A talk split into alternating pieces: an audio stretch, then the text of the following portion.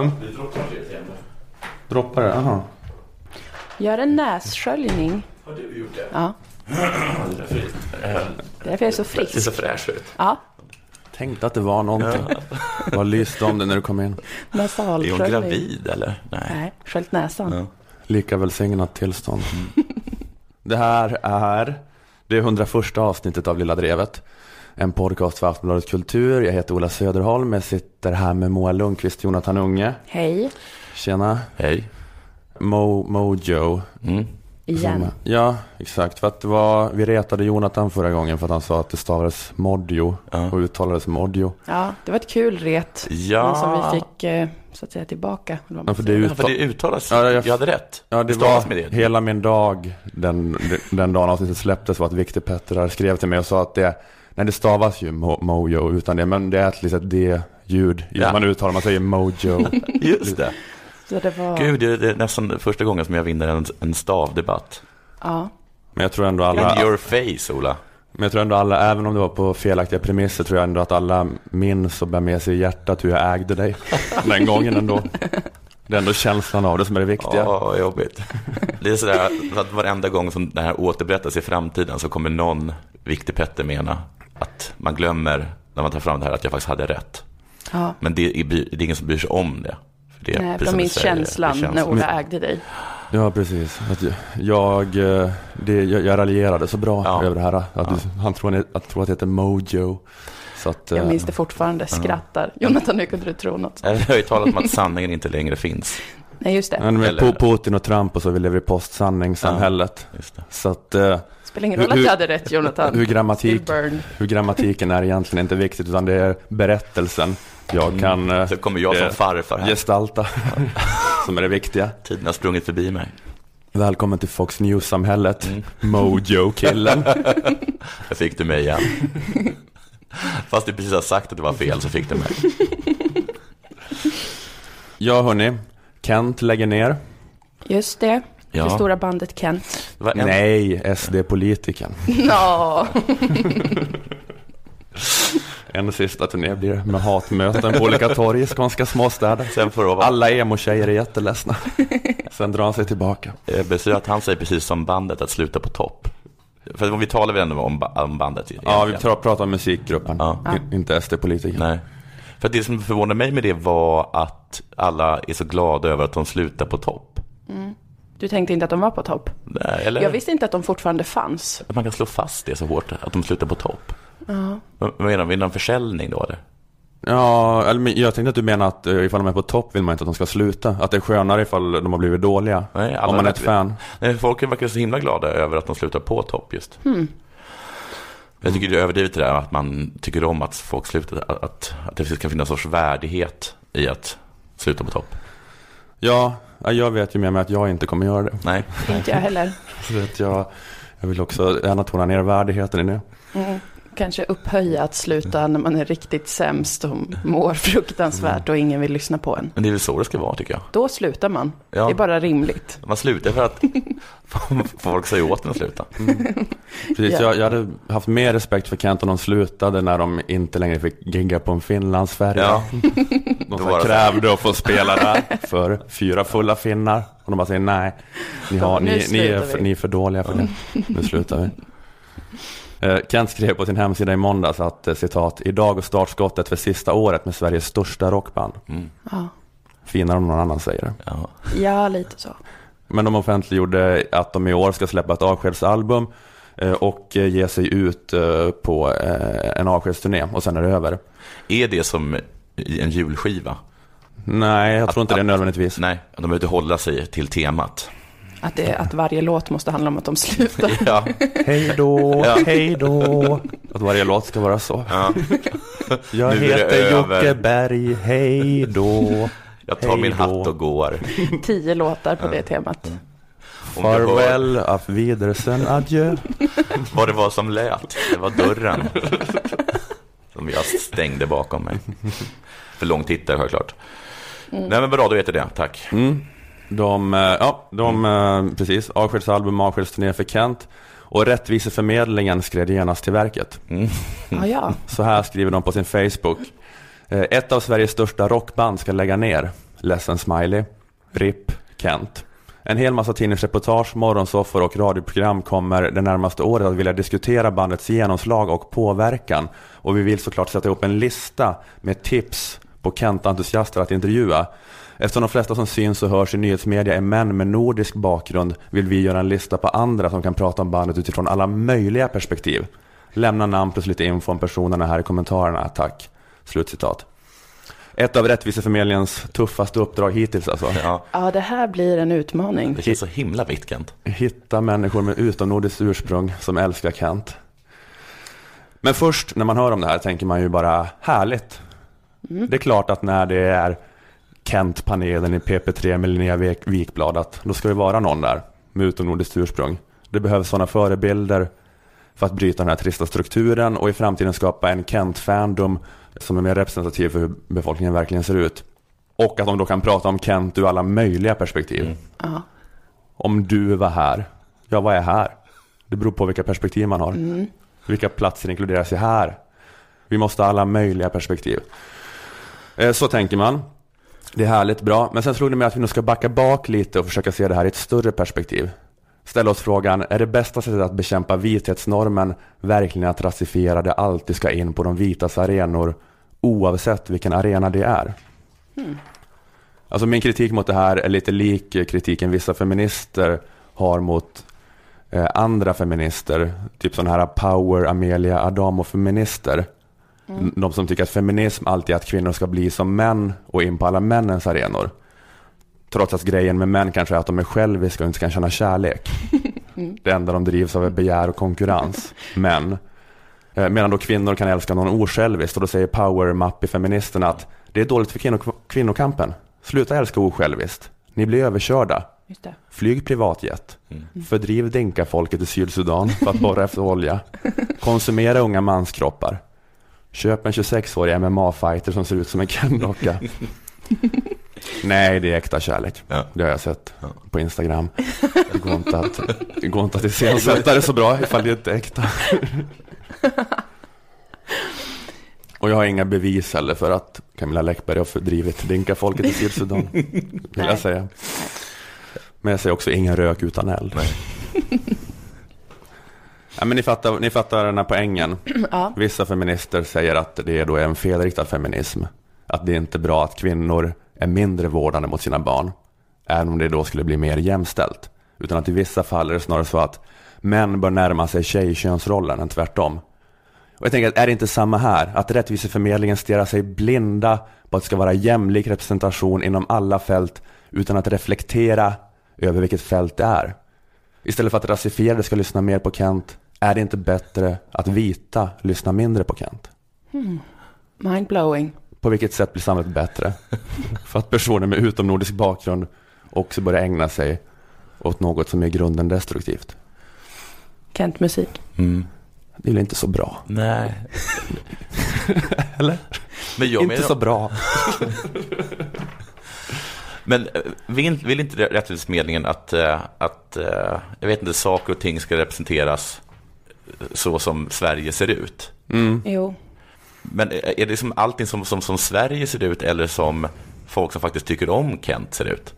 Om vi säger till exempel att det finns ett visst, en viss procent som är, har eh, utomeuropeisk bakgrund som lever i vårt land. Mm. Den kanske inte nödvändigtvis stämmer överens med hur många Milla som Kent. är det i, i, i Kents, i, i Kents eh, beundrarskara. Då blir det jättesnedvridet. Nej, exakt, men det är väl det som är eh, problemet här då att, eh, att det kanske blir felriktat om man ser på Kent-fandomen som på riksdagen. Mm. Att det finns samma behov av representation där. Ja, då, då, då stirrar man sig bara blind på representationsgrejen om man har ingen annan vilja om hur man vill- förändra samhället. Mm. Till exempel att man kanske vill ha mindre Kent-lyssnare överhuvudtaget. Och då kan man ju inte, man accepterar ju samhället som det är när man tänker så här för mycket då på det här rättviseförmedlingssättet. Att Det allt går ska att förändra verkligheten. Eller Ja, precis. Det går, det går att förändra det på andra sätt än att alla, att alla grupper som finns ska fortsätta vara de samma för alltid. Det ska bara vara jämn fördelning av män, kvinnor och rasifierade och vita. Mm. Men man kan tänka, ska de här grupperna finnas? Ska det finnas Kent-lyssnare? Man måste backa bak ibland och se den större bilden. Ibland är det bästa man kan göra att inte göra. Ganska bra, ganska bra sagt. Tumblr-citat. Va? Ett Tumblr-citat? Ja, det är ett väldigt vanligt citat Aha. på Tumblr. Ska börja hänga på den, Du skulle känna dig hemma. på den hemsidan. Ja, Ja, det är tänkvärt. Mm. det Jonathan sa. Vi kan kliva bort det som alltid sagt. Men vi går vidare med programmet. Det blir säkert kul idag. Ja. Jonathan ska ju lista sina sjukaste pålägg på mackan. Och Moa kommer ha med sig listan. Så vet du att du dejtar en fuckboy. Tio främsta tecknena. Äntligen ska jag få slå igenom. Ja, men vi måste kom, bli lite mer så här. Jag tror att det är för mycket sossar, sossar i det här programmet. Så Ja, långa, behöver- långa, långa Ja. rants. Det måste vara mer listor. Och GIFs, hur vi nu kan få in det i en podd. Att vi berättar hur en GIF ser ut. Att Zac Efron slår ut med armarna. Man berättar ett fakta, sen säger man Zac Efron slår ut med armarna. Då blir det som en GIF fast i poddform. Det älskar folk. Just, eh, Så Kanye West ser skeptisk ut och skakar på huvudet. Så en kort mening, sen förklarar vi en GIF och så, sen så är vi igång. Varmrökt lax. Plats nummer tio är det. Ja. Vi kör en countdown här. Lite, eh, som en röd tråd genom programmet. Nu åker vi.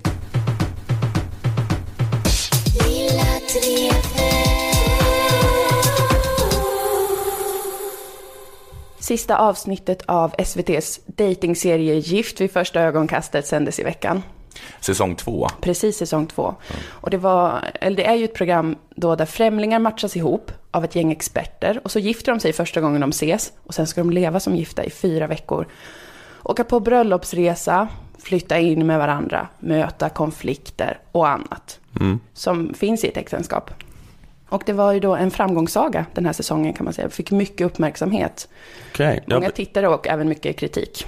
Jag har bara sett eh, första avsnittet. Jag såg ganska mycket av det här förra säsongen. Ja, den här säsongen var mycket bättre, kan jag säga direkt. Mer intens känslomässigt om man säger så. Men det har varit väldigt lyckliga nyheter för SVT att det gick så bra. För de har desperat försökt hitta en, eh, ett dating-tv-koncept som känns legitimt för public service. För de kan kanske inte riktigt ha ensam mamma söker, utan de måste ha en inramning som Ja, ger de måste programmet alltid ha tyngd. någon sorts, någon sorts twist som Precis.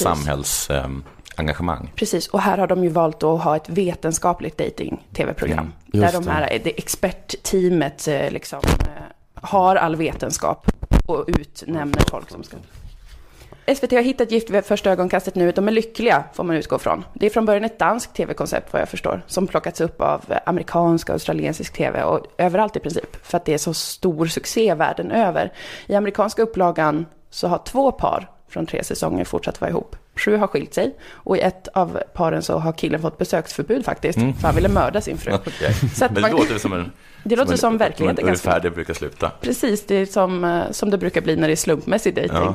Men det här är ju inte slumpmässigt, utan det här är ju baserat på vetenskap i det här programmet. Det är de väldigt tydliga med i hela inramningen, att det är kanske en DNA-sträng. Men är det inte bara att SVT gör så? Jag tänker att det kanske bara är så i Sverige. Att det går på sådana mer kanal 5-aktiga kanaler i andra länder. Men att Ja. SVT måste framea det som att det här är ett socialt vetenskapligt Det är ett experiment. socialt experiment. Det är inte Jo, en dating reality såpa. Det var exakt så att de höll på med, med Robinson, var det inte så? Att Ja. det här var ett socialt experiment. Och de har haft sådana här dej- andra dejtingserier där hen, han, vad heter han, järnkillen, Henrik Fexeus, han som ser ut som Ja, Draco just Malfoy, det. står Ja, och bara, hjärnan och- är så De fascinerande. fick gå och lys, äh, lukta på folks t-shirts. Ja, precis. Kärlekskoden. Just det. Så att de har liksom hela tiden försökt hitta en sån här inramning som, som eh, mm, verkar väldigt vetenskaplig. Får jag skryta lite bara? Ja. Kärlekskoden Greta började följa mig på Twitter. Oh shit! så himla häftigt. Då ska vi inte säga något ont om kärlekskoden. Det var ett bra vetenskapligt program om dating och attraktion. Vi, vi, får jag bara fråga, vilka är experterna? Eller Det kommer vi det? till. Det kommer, Det kommer vi till. Mm, för att det är faktiskt de som har fått min, mitt lilla öga på sig. Men expertpanelen, de gör då test på alla människor. Och sen så ska de hitta ett perfekt match. Och det är väldigt, väldigt avancerade test. Det låter så här. Singlarna fyllde i personliga profiler via ett antal enkäter. Det var tre test. Ett där man skulle utvärdera vad man tycker är viktigt hos en partner. Ett IQ-test och ett dilemmatest. Det här verkar vara något mer matematiskt på något vis. Vi kommer att använda oss av en multivariat bedömning som det heter. Vi kommer att titta på de här personerna utifrån många olika perspektiv. Vi kommer att vända och vrida på dem för att se saker hos de här människorna som de normalt kanske inte visar för andra. Jag vet inte om ni hängde med på det vetenskapliga språket, men man har använt många olika, en multivariat bedömning. Och de Där har tappade han mig. Vad- Vart, vad är det Det här? är ju akademiskt språk alltså, att det är... Prata som man Det är förstår. fler test. Ja, det är många test och det är många olika perspektiv. Och vet ni vad de dessutom gör? De vrider och vänder på det. Så att det är ju inte bara liksom sådär att de bara väljer någon, liksom, utan det är test. Eh, sen vad exakt testen innebär får man inte veta så jättemycket mer om. Men det man däremot får veta är ju att inget av paren höll ihop. Utan alla hade enormt mycket ångest under åtta avsnitt. Och även fortsatt efteråt mår alla fruktansvärt Varför har de så mycket ångest för? För att det var så jobbigt. Ah, okej. Det var så otroligt, otroligt jobbigt. Att man eh, har gift sig med någon man hatar och är filmad dygnet runt Ja, när man veckor. blottar sina innersta känslor om Mm. relationer. Eh, och måste sitta och eh, ha parterapi med någon man inte känner Nej. och så vidare. Det är så himla svårt, svårt att tror jag, vad heter det, motivera sig till parterapi. Ja. Med någon man absolut inte behöver ha parterapi med. För jag tycker det var jobbigt att vara, gå på, på parterapi. Det var synnerligen viktigt Ja, att vi hade parterapi. ja. Tänk då att sitta med en främmande ja, människa Där jag bara egentligen kan gå. och bli filmad. och sen klipper de ner det. Så himla extra jobbigt att höra någon som inte ens känner den som är superbesviken på en. Ja, men det, eh, jag slänger in en grej nu och det är kanske att det är skitsamma hur det gick för de här paren.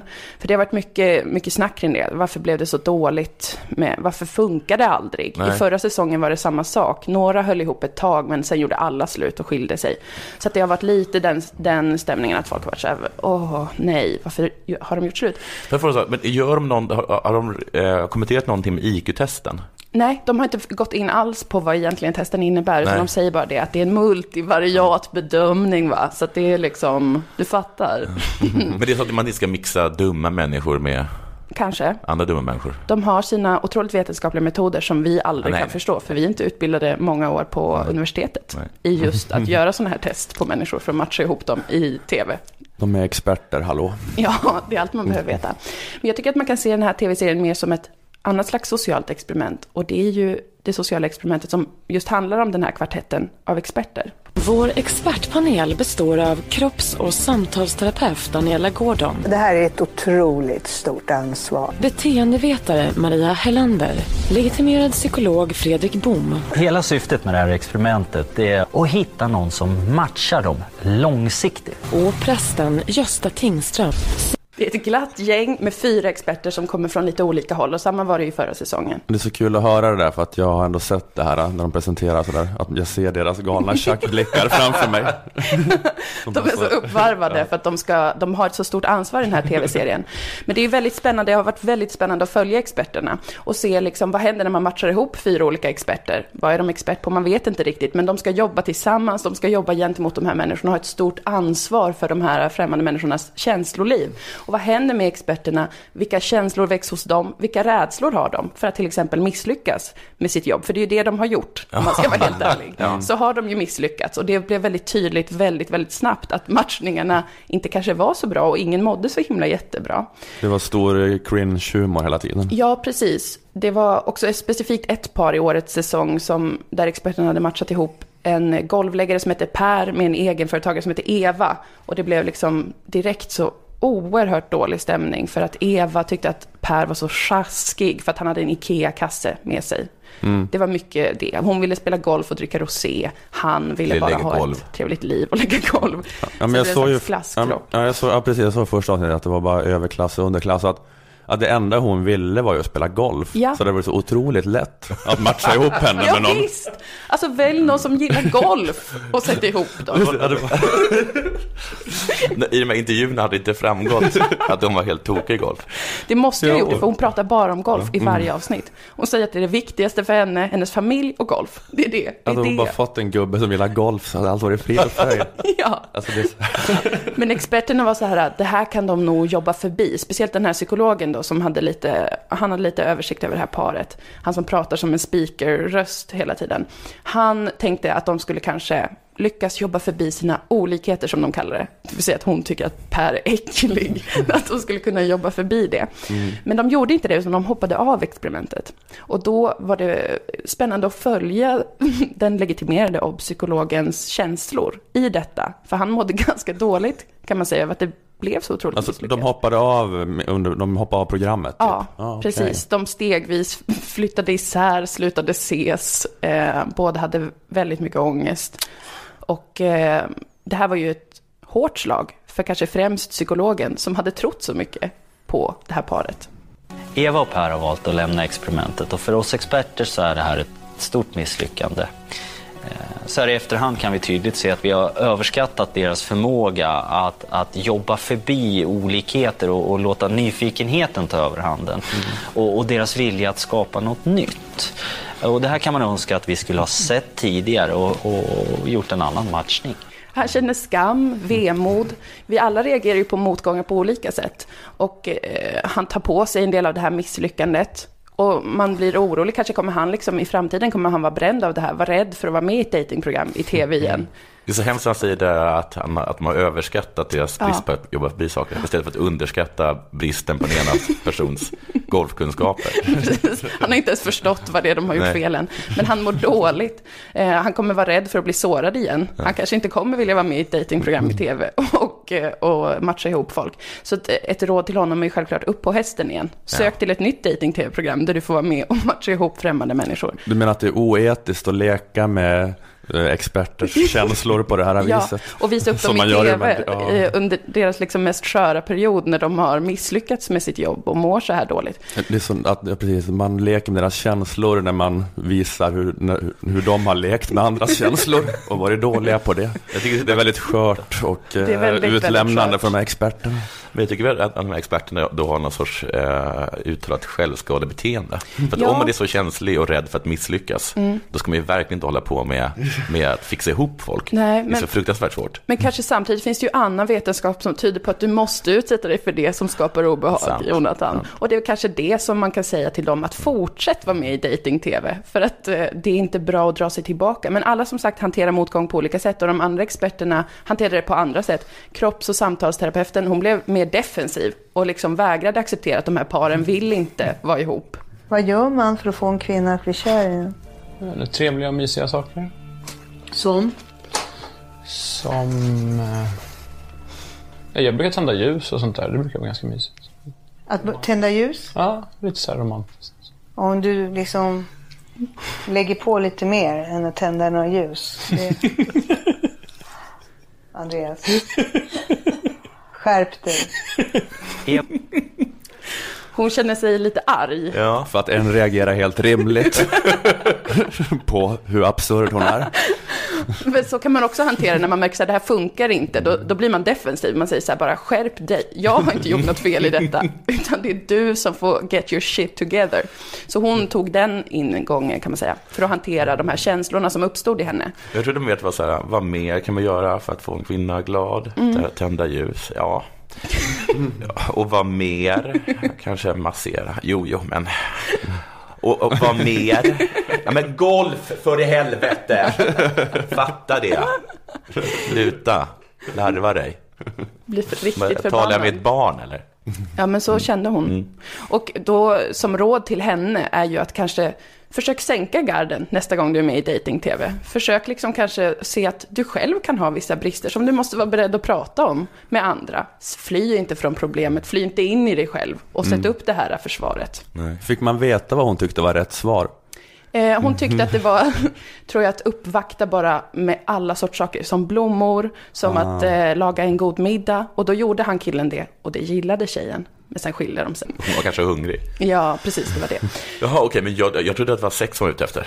Ehm, Det trodde han också, ja, tror jag. Det, Eller? det sägs väl kanske lite mellan raderna att de här eh, uppvaktningarna är till för att det ska, de ska komma närmare varandra, vilket betyder att de ska på något sätt eh, ha sex, antar jag. Men jag tror inte att de ville ha det faktiskt. Ligger, har, har paren legat med varandra? Ett av paren gjorde det. Ja. Och sen så drog killen sig undan. Så det var ju, det var ju också tråkigt för sextanten att det liksom, vad fan, vad håller de på med? Skärp er, kände hon.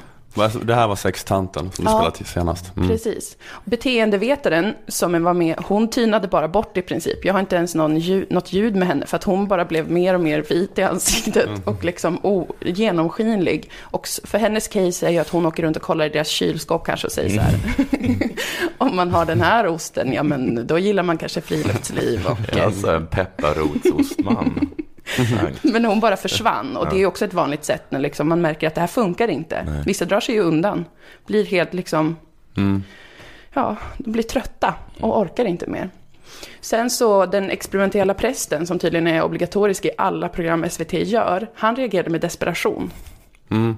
Han är superhärlig. Han är superduper härlig men man kan se... Eller, eller, eller beror på vad man menar med det. Ja. Men för jag såg första eh, säsongen. Och eh, den pressen som var med då, jag trodde inte att hon skulle gå och toppa. Nej, men den här, var, den här var lika, alltså samma alltså bara utstrålning av att det är någon som går runt inne på Beckomberga och skriker jag är präst, jag är präst. Och så bara har råkat komma bort när de haft en utflykt. Vandrat in, vandrat in på SVT. Jag är präst, jag är präst. Exakt sån utstrålning. Han är otroligt härlig. Otroligt härlig. Men han, kunde, han märkte ju också att det höll på att gå åt helvete. Och då reagerade han då med någon slags manisk eh, desperation. Försökte bara hitta olika sätt för att få de här paren att vilja vara ihop. Jag ser framför mig att han liksom satt uppe till klockan fyra, bara svepte en sjua whisky, skrev ner bara vad fan ska jag göra? Jag kommer på någon övning. Så kom han på den här övningen. Det vi ska göra rent fysiskt, det är en klassisk benböj. Ni ska hela tiden titta varandra i ögonen. Ni får inte säga någonting. Då vill jag att ni bara hivar upp det och testar en gång. Bara så. Bara så att ni vet hur ni gör. Bara gör, gör det. När jag själv sysslade med skivstänger och tränade, då insåg jag att det här kan ju vara en andlig övning. Man bara skruvar på den lite. Tillsammans, helt synkront, så kan ni börja. Varsågoda.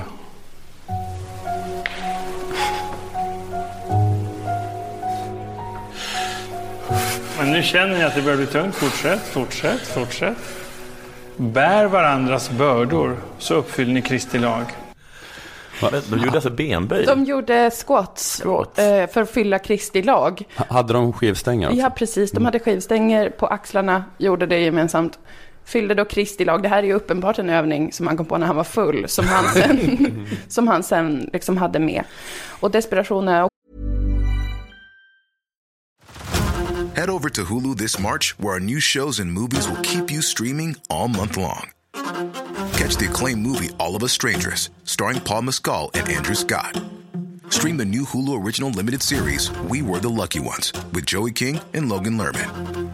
And don't forget about Grey's Anatomy. Every Grey's episode ever is now streaming on Hulu. So, what are you waiting for? Go stream something new on Hulu. Också ett vanligt sätt att reagera med. Man vägrar liksom acceptera att eh, det här kommer inte gå. Så man klamrar sig fast. Man är så här, jag måste komma på något, jag måste komma på något nytt. Och Gösta var också så, han bara, de måste prata med varandra, talk, talk to the hand. Där kan vi ha något. Så kommer man på en till övning. Det är så han jobbar. Jag vill ju att de ska få uppleva den gudomliga kärleken. Att det inte bara är några fromma ord, utan det är handgriplig verklighet. Okej, den här övningen heter Make Love to the Hand.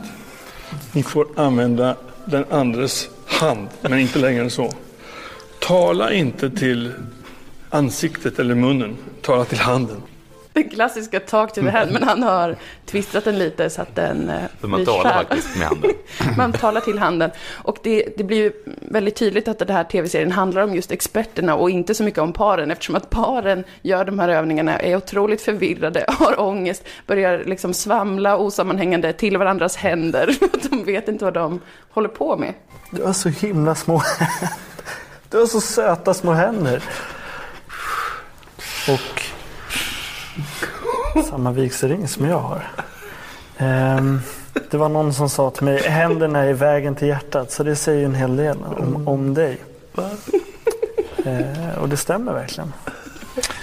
Jag blir chockerad, rädd. Du har så små händer. Någon har sagt till mig att händerna är vägen till hjärtat. Det känns- säger en hel del om dig. Det är som Steve Carells vet du det, eh, karaktär i Anchorman som plötsligt bara nämner allt han ser i ett rum. för att han har liksom ingenting att säga. Hon drabbas av panik. Så det här, det här var han har bara- fått i uppdrag att prata. Precis, till, till hennes hand. Och då skulle man bara talk to the hand, alltså då bokstavligen talat, och eh, säga allt man kunde tänka. Och det han kunde tänka var att det var små händer, hon har en vigselring, som är samma som honom, för att de är gifta. Och också att han har hört att handen är vägen till hjärtat då. Och att det säger en hel del om henne, tydligen. Jag får en fråga, är, är det så? Att handen är vägen till Ja, hjärtat? jag har aldrig hört det uttrycket. Nej, jag tycker att magen... Men var, var prästen eh, nöjd? Eller Ja. tyckte han att han hade varit en idiot? Som... Han, eh, prästen var ganska nöjd tror jag. Ja. Han kände att han ändå eh, fick, för de, var, de sa också så här, jo men det var ju lite mysigt Mm. att göra den övningen. Nej, men är det så att alla, att precis som att vissa äktenskap så håller man ihop för barnen? Mm, så är håller det- de ihop så- för experterna. Ja. Lite så tror jag faktiskt att det var, för att alla såg hur dåligt experterna mådde och att de liksom. Mm. det, det lös ur Göstas ögon att så här, snälla, snälla, snälla, säg att det här var liksom något som förde er närmare varandra.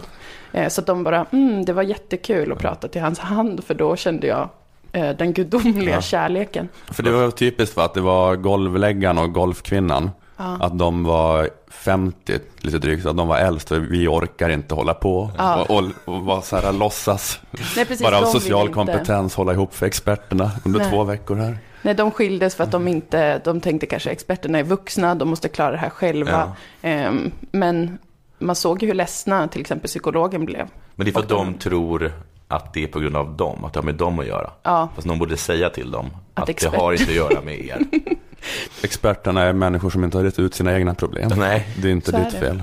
Och eh, det, så att jag tänker mig liksom att det var det här som var det sociala experimentet. Det är inte det här med paren, så det spelar ingen roll att de har skilt sig. Mm. Det som var spännande att se var ju den här utvecklingen från ett enormt självförtroende, det stora ansvaret att matcha ihop folk, liksom en maktfullkomlighet, till att brytas ner stegvis. Försöka återfå värdigheten, men det gick inte riktigt. Det är väldigt intressant vad som händer när man matchar ihop fyra experter i ett dating-tv-program. Men också då en test av dokusåpa-deltagares förmåga att känna skuldkänslor. Om vi kan, vi kan spela med hur, hur dumt det än är. Att det är någon sån grej de har hållit på med. Ja. Att de här experterna är helt retarderade. Så det är noll grader Kelvin i huvudet på dem. Och nu- vi ska ändå ta oss igenom hela den här inspelningen bara för att vi tycker synd om dem. Men var prästen där som någon sorts relationsexpert, eller som expert på Ja, Gud? Var? det? Eller att han- han har gift folk? Eller? Ja, men jag tror det. Bara liksom en allmän expert på livet kanske. Han satt beredd på jour och åkte ut till dem när de ringde och sa att de hade något relationsproblem. Då satte han upp sin laptop och så spelade han in deras samtal. Så jag vet inte vad det var riktigt. Men alla älskade ju honom. Det förstår jag, för han är väldigt härlig. Men han utsatte dem också för den här typen av, eh, av övningar för att han skulle få känna att han verkligen kan, Ja.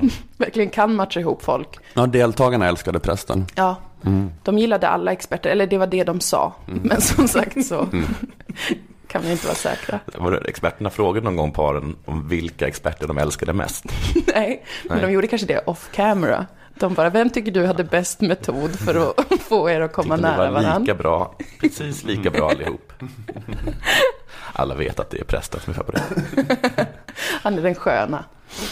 Det så här hänger ett, eh, en, en Buttericks-prislapp från hans prästkrage. Har gått igenom och köpt. Vandrat in på SVT. Jag är präst.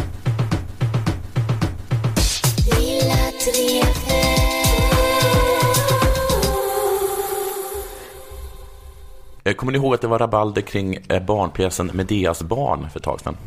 Nej. Nej, Va? Vi kunde ha missat det här. då. jag Eh, har det- inte barn. Nej, men det var, det, och det har jag inte jag. Så himla dåligt eh, comeback av mig. Ja, det var Ja. lite svag. Nej, det har väl inte jag heller, så vad är problemet med det? Pjäsen... Just fan hon. Den lilla människan. Ja, just. Hon är väl ett typ ett barn då. Pjäsen av Susanne Osten, eh, som heter Medeas barn, då, den hade premiär någon gång på 70-talet.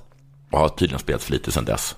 I alla fall enligt Susanne Osten. Och den tar upp ämnen som skilsmässa, svek och självmord. Och det handlar bland annat om att barn ska förstå att det har inte med dem att göra. Där. utan det har med de vuxnas problem. Så den, den varit perfekt för, för, för experterna I Gift i första ögonkastet. att se Mm. den. Lärorikt, Mm -mm. men tungt. Supertungt. Och Örebros eh, länsteater hade satt upp den för ett tag sedan och så turnerade de runt med den i länets skolor. Tills föräldrarna började protestera om att den inte var lämpligt att visas för barn. Ah, ja. Den var, innehöll för, för tunga och svåra ämnen. Och ett antal rektorer höll med och ställde in. Varpå det eh, bröt ut en sorts kulturdebatt som jag tror gick ut på att rektorerna måste visa lite staka och, liksom- och liksom stå emot hysteriska curlingföräldrar. Närmare bestämt så beskrevs re- rektorerna som veka Alltså. och föräldrarna som överbeskyddande och kla- eh, kulturhatare. Oh. Mhm. Var det preciserat exakt vilka inslag i pjäsen som de hade problem med? Nej, det vet jag inte. Det var någon gång tror jag tror att någon får självmordstankar och sådana saker. Mm. Men det var liksom att, att de menar att barn hade blivit upprörda eh, och så vidare. Och så vidare. Och kulturdebattörerna har säkert rätt. Att barnkultur har blivit mer tillrättalagd och att föräldrar bara liksom är lata som inte orkar bemöta deras barns reaktioner på svåra och hemska ämnen. Allt ska bara vara så himla tillrättalagt och fånigt. Det ska bara vara Daniel Tigers kvarter. Mm. Mm. Som är jätte- jättetillrättalagt. Ja. Ja. Ja, ja. Jag tog nästa ja, ja. referens. Ni är med. Mm. Jag kommer jag kommer ihåg som att det var ganska hård stämning just mot just föräldrarna och rektorerna. Man tyckte liksom att de ett, kan inte ta till er kultur och hur kan ni liksom låta massa liksom, eh, tv-shopstittande föräldrar bestämma vad, vad eh, deras barn ska få se på. Det är ju, Ja, ja. liksom, uppenbarligen så får de inte bra kultur genom sina föräldrar. Nu har de ett litet, litet eh, liksom nyckelhål och det är, är, är skolan. Och så Mm. kommer ni och, och pajar allting. Mm. Ja. Men nu har det hänt igen. Filmen Flickan, mamman och soporna efter en bok av just Susanne Osten har getts en 15-årsgräns Hmm. och kan därför inte visas på vad jag tror är Malmös barnfilmsfestival. Den det är tänkt som, den är gjord som en barnfilm. eh, Men den har fått 15-årsgräns Ja. på grund av hysteriska moral, panik, människor. Ja, precis. Det är ett svek mot barnpubliken, säger regissören, som nu kommer att överklaga beslutet och begära 11 års gräns istället. Mm. Hon säger också att eh, det har kommit en ny puritansk generation som chockar mig med att fatta dammiga beslut. Som om det inte hänt något på barnkulturområdet. Det här är ett skämt. När någon säger det, då, Ja. då vet man att det är en tung, Ja. tung debatt. Men är det så, så är det kanske. Mm. Att det är ett skämt, eller att det är fel. Jag vet inte. Jag har inte sett filmen. Nej. Nej, nej. Det har ju för inte hindrat varken mig eller någon annan från att ha en åsikt om någonting. Nej. Men jag har däremot läst boken. Då kan du ha en åsikt. Ja, och det är en jättebra bok. Oj. Fantastiskt bra bok. Samt superläskig. Ja. Den, den handl- Susanne Osten, den är självbiografisk. Ja, den är det. Det handlar om en flicka som lever ensam med sin mor i en stor lägenhet. Modern samlar på sopor. Och ibland kommer, tror jag, två personer, man får aldrig se dem, men de står liksom och skriker genom väggarna Åh, eller i taket, som heter Herr Polter och Herr Geist. Jag hör ju hur obehagligt det är. Det är superobehagligt. De kommer förbi och skriker order för mig. Usch. Men fick du den uppläst för dig när du var liten? Nej, jag läste den som eh, 30-åring. Ah, okej. Superbra. Mm. Och sen kunde du inte sova? Jag kunde inte sova. Men flickan flyr, men har ingenstans att fly till, så hon går till vattnet och talar med vattenkungen, om jag minns rätt. Sen tror jag att det slutar lyckligt med om att SOS kommer och tar henne. Jag, jag, jag tror att det är, jag tror att det är liksom, att det är det fina slutet. Ja. Mm. Ja, Ja, vi bygger det. upp det här som att det är något fruktansvärt, Ja. men oroa er inte. Vi kan bläddra, vi kan bläddra tillbaka till slutet direkt. Grodan blev en prins. Ja. Eller i alla fall en sostant. Ja, nu kan du sova, Stefan. SOS kom och tog henne. Allt blir bra till slut när SOS kommer. Jag tror att det är så himla bra att den här fick en 15-årsgräns. Okej. Eller jag vet inte. Nej. Men jag har på riktigt aldrig läst en bok där varje sida skriker ångest. som den här boken. Det är liksom inte att att det ligger som en, som en, liksom en känslomatta i bakgrunden eller att det hintas om det.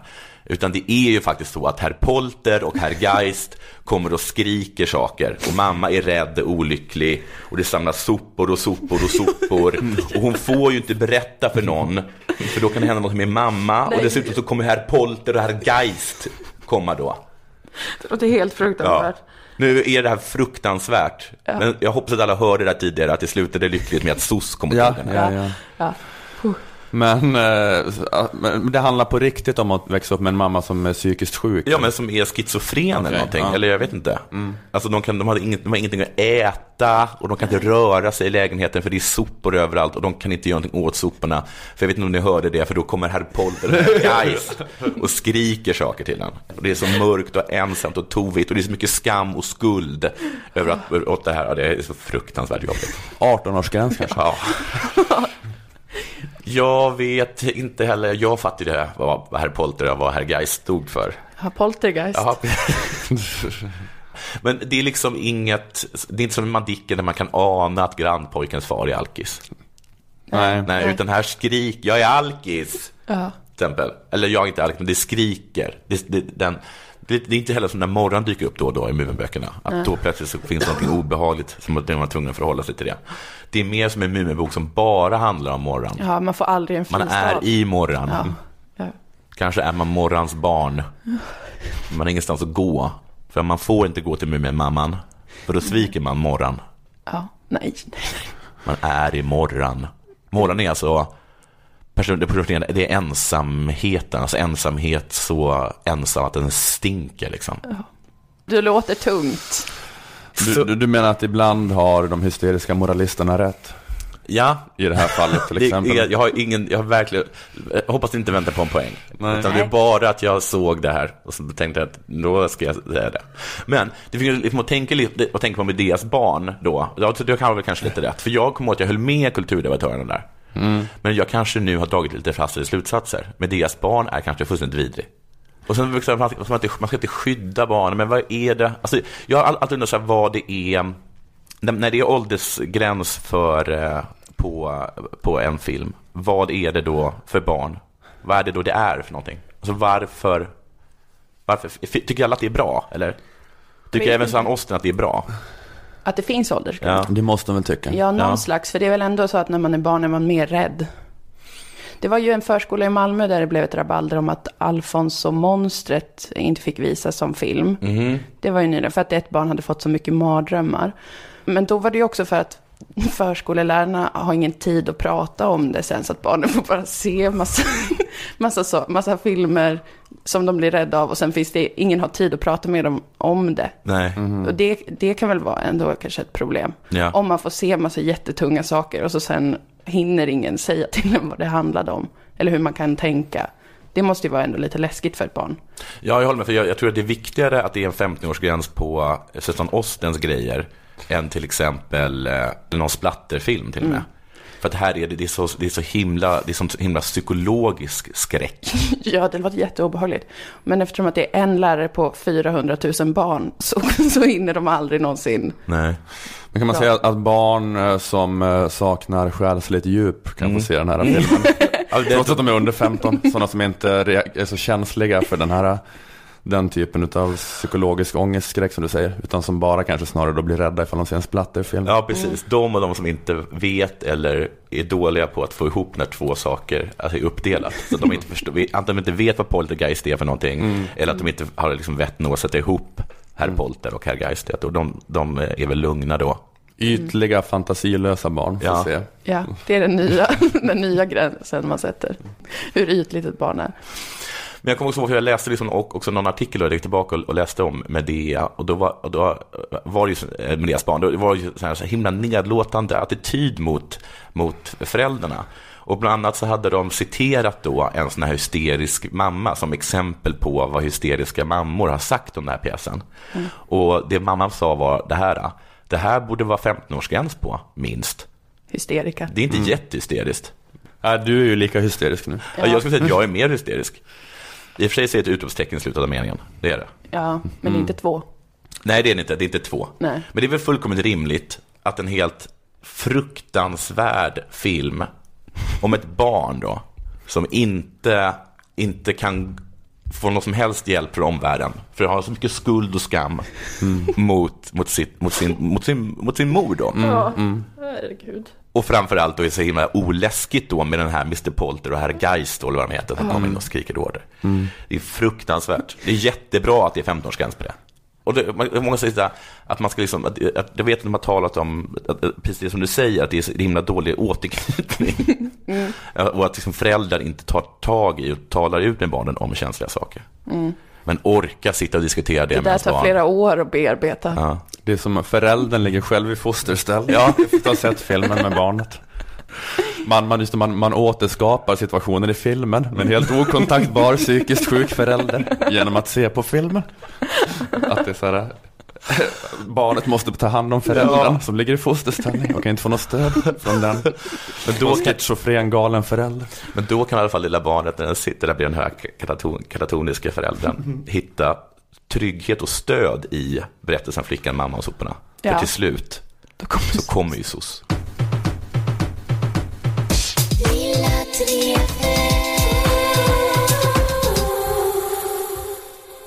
EU har gjort ett nytt avtal med Turkiet.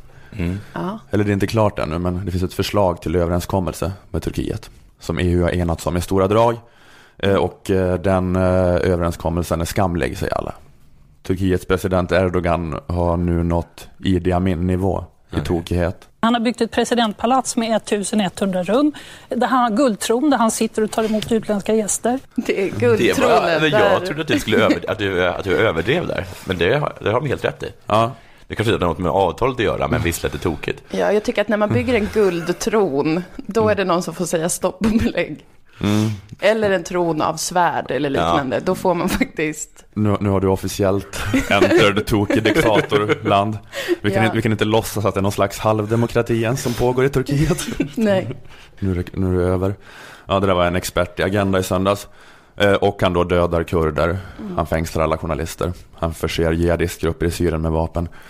Men EU har som sagt inget val. För som vi har nämnt eh, förut är Erdogan den som har the product EU vill ha. Mm. EUs heroin. Som är färre syriska flyktingar till EU. Ja. Kan ej få nog av färre syrier till EU. Det är en Jag- kick. Jagar ständigt den där jungfrusilen. Hur, skönt, hur skönt det kändes första gången man testade färre syrier till EU. Ta din bästa orgasm och gångra med tusen. Så kändes det, sa Donald Tusk. Det är ju i och för sig inte ens säkert att Erdogan kan leverera produkten färre syrier.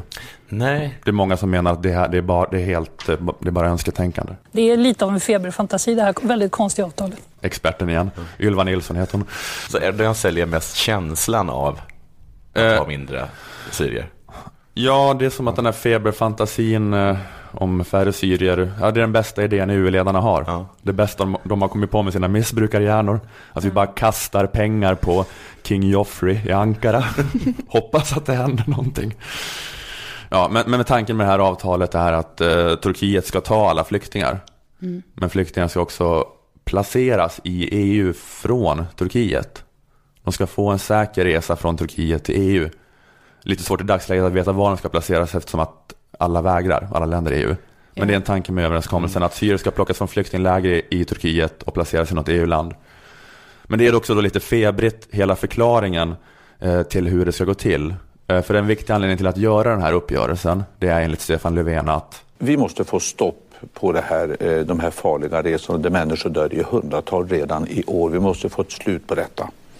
Och då gäller det att ta koll på den affärsmodell som nu används där skrupelfria människor, smugglare skickar människor på livsfarliga båtar Ja, och så vet- får det hur vet du att- att mot det, om jag, om jag bara får förföra, mot det gäller då att vi också i EU ska ta emot under ordnade former eh, människor från Syrien till EU och det blir något helt annat. Tanken är alltså eh, att alla syrier som kommer på en skranglig båt till Grekland direkt ska deporteras tillbaka till Turkiet. Mm.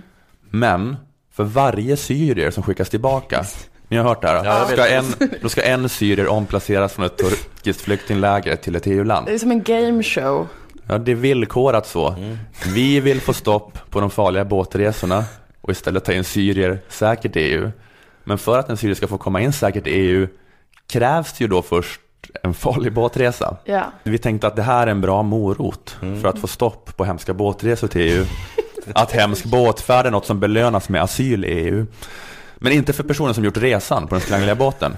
Alltså en osjälvisk syrier måste åka gummiflotte från Turkiet till Lesbos och då får en annan som är kvar i lägret asyl i EU. Eller är det här slags moraliskt test EU utsätter flyktingarna för? Att det kommer en utmattad syrier på gummiflotte till Lesbos och säger Okej, nu skickar ni tillbaka mig, jag vet, men nu kan en av mina bröder eller systrar få komma till Europa. Och då säger EU nej, du ska få komma till mig, för du har klarat testet. och visat hur rent och osjälviskt ditt hjärta är. Vi vill bara ha de mest osjälviska. Ja, det är som en sedelärande biblisk saga Ja, ungefär. jag Som- delar barnet mitt itu. Ja, vice, kung Salomo. Det, är två kvinnor och så har de ett barn och bråkar om vems, vems barn det är. Så, så jag hugger barnet mitt itu med ett svärd. Jag, vet, jag hatar det. det. Och då, då ropar ena kvinnan nej, ge barnet till den andra. Och då vet han att det är den riktiga mamman. För att hon vill hellre att barnet ska leva när de får det. Men det är också så här, har jag för mig i sagan att en verkar vara okej med det. Ja, det, krävs moderskärlek för att man ska kliva ett barn mitt i tu. Så Ett sen moralen i den sagan. Det är lite svaghet i den sagan. Men att det är som det är, så det är här, att en då åker luftmadrass till Lesbos och säger Ge asylen till min syster. Och då är det, nej det är du som ska få asyl. För du har visat dig vara den äkta asylanten. Det är EUs taktik för att Ja. bara ta in de allra godaste människorna i Europa. Vi vill bara ha människor som flyr på en luftmadrass över Medelhavet. Helt utan tanke på egen vinning. Mm. Bara människor av den moraliska kalibern till EU.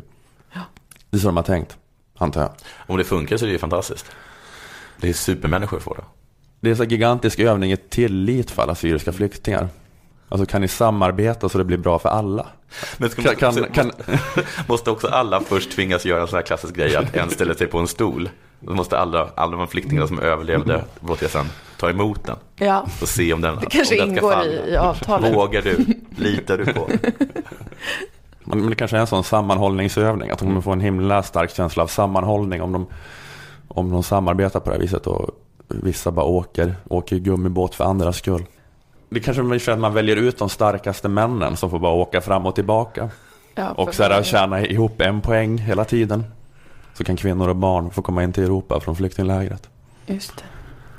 Så makabert. Eller så blir det någon affärsverksamhet och man mutar folk. Och Ja, man kan Jag köpa gissar- någon som åker åt en. Ja. Det, bo, det kommer ju bli en... För, för att man vet väl inte själv att man får den. Jag antar att det är helt slumpmässigt. Eller jag vet inte hur det funkar. Alltså den man plockar från det här lägret, att det är slumpmässigt. Ja, Ja, det bara är som ett så här gripe. Ja, precis. Det så. Ja, det kommer vara jättemycket praktiskt som de behöver ordna med detta. Jag tror också att de har överdrivit eh, att de tror att, att, det ska, att det kommer upphöra någon sorts, att smugglingen nu kommer upphöra. Ja, jo, det är ju- säger ju många också. Ja. Men det, jag antar att det man hoppas här är ju då att folk inte ska Alltså att, vi, att man villkorar det så att för varje skranglig båtresa tar vi in en ny flykting. Förhoppningen är ju då att folk ska sluta åka båt för det kommer inte löna sig för dig personligen Nej, att åka precis. båt. Och då ska inte vi ta in en enda flykting. Men det är väl det som är den riktiga tanken, Men antar jag, eller? Men det är intressant att e-ledarna just med sina droghjärnor som då tror att det här är en bra deal också då ska liksom tro att syrierna som inte har droghjärnor också ska uppfatta det här som en bra deal. För det är ju meningen att alla ska uppfatta det här som en bra deal. Mm. Ja. Men det är ju bara EU höga på inte färre syrier som, som kan tro att det här är en bra deal. Ja, herregud. ja det är sinnessjukt. Mm. Det är lite sinnessjukt hur det är. Det, Med det, är faktiskt, alltså, det är faktiskt så fruktansvärt jävla sinnessjukt. Men vad, vad mer om den där tronen? Att den är i guld. Den är, är den, är den, är den, den är, vadå, det är, det är liksom, den är guldbelagd. Den är inte, den är inte, inte 100% guld. Jag skulle ej bli förvånad om det är 100% guld. Jag vet inte. Han byggde väl också det där palatset i typ en nationalpark. Tror jag, eller det var något sånt, för det var jättemycket problem med det. Att Alla var så här, varför måste du bygga det? Vad sa du 1001 att lövgrodan bara kunde bo? Han var där, Det här ska jag ha mitt då badrum. bygger vi palats över alla dem. Ja, det, är, det, det är som ett sånt skämt att det bara att det här pågår. Att det, det, är, det är han som sitter på hela, alla, har alla trumf på hand. Ah. Att alla ledare för Tyskland, Frankrike, England bara kryper runt på golvet framför hans guldtråd.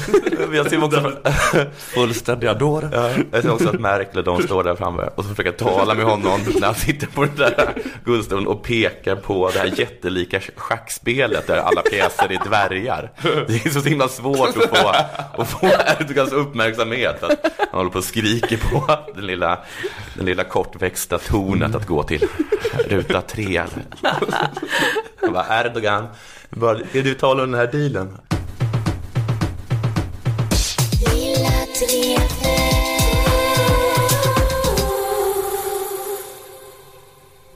Det är oslipat Malmö på onsdag. Just det, 23 mars. Det är onsdag. Ja, Mm. Då ska ni två uppträda då? ja. Ja, och du och, du och Dilan kör er gemensamma grej där. Och, Precis. och, och jag kör lite vanlig stand-up comedian. Eh, oslipat.com kan Mm. man kolla. Köp biljetter. Och eh, du ska ut på sämst turné. Ja, jag ska ut med Aron, eh, Flam, Ahmed Beran och eh, Branne heter han bara. Mm. Vi ska ut. Vi kommer vara ute på massa olika ställen, så gå gärna in på Facebook och kolla vad vi ska. För det ska vi. Kom jättegärna. Tack så mycket. Eh, Moa Lundqvist, Jonathan Unge, jag heter Ola Söderholm. Det här var allt för den här veckan. Tack Aftonbladet Kultur. Vi hörs igen nästa vecka. Det gör vi, det gör vi, det gör vi. Hej då. Hej då.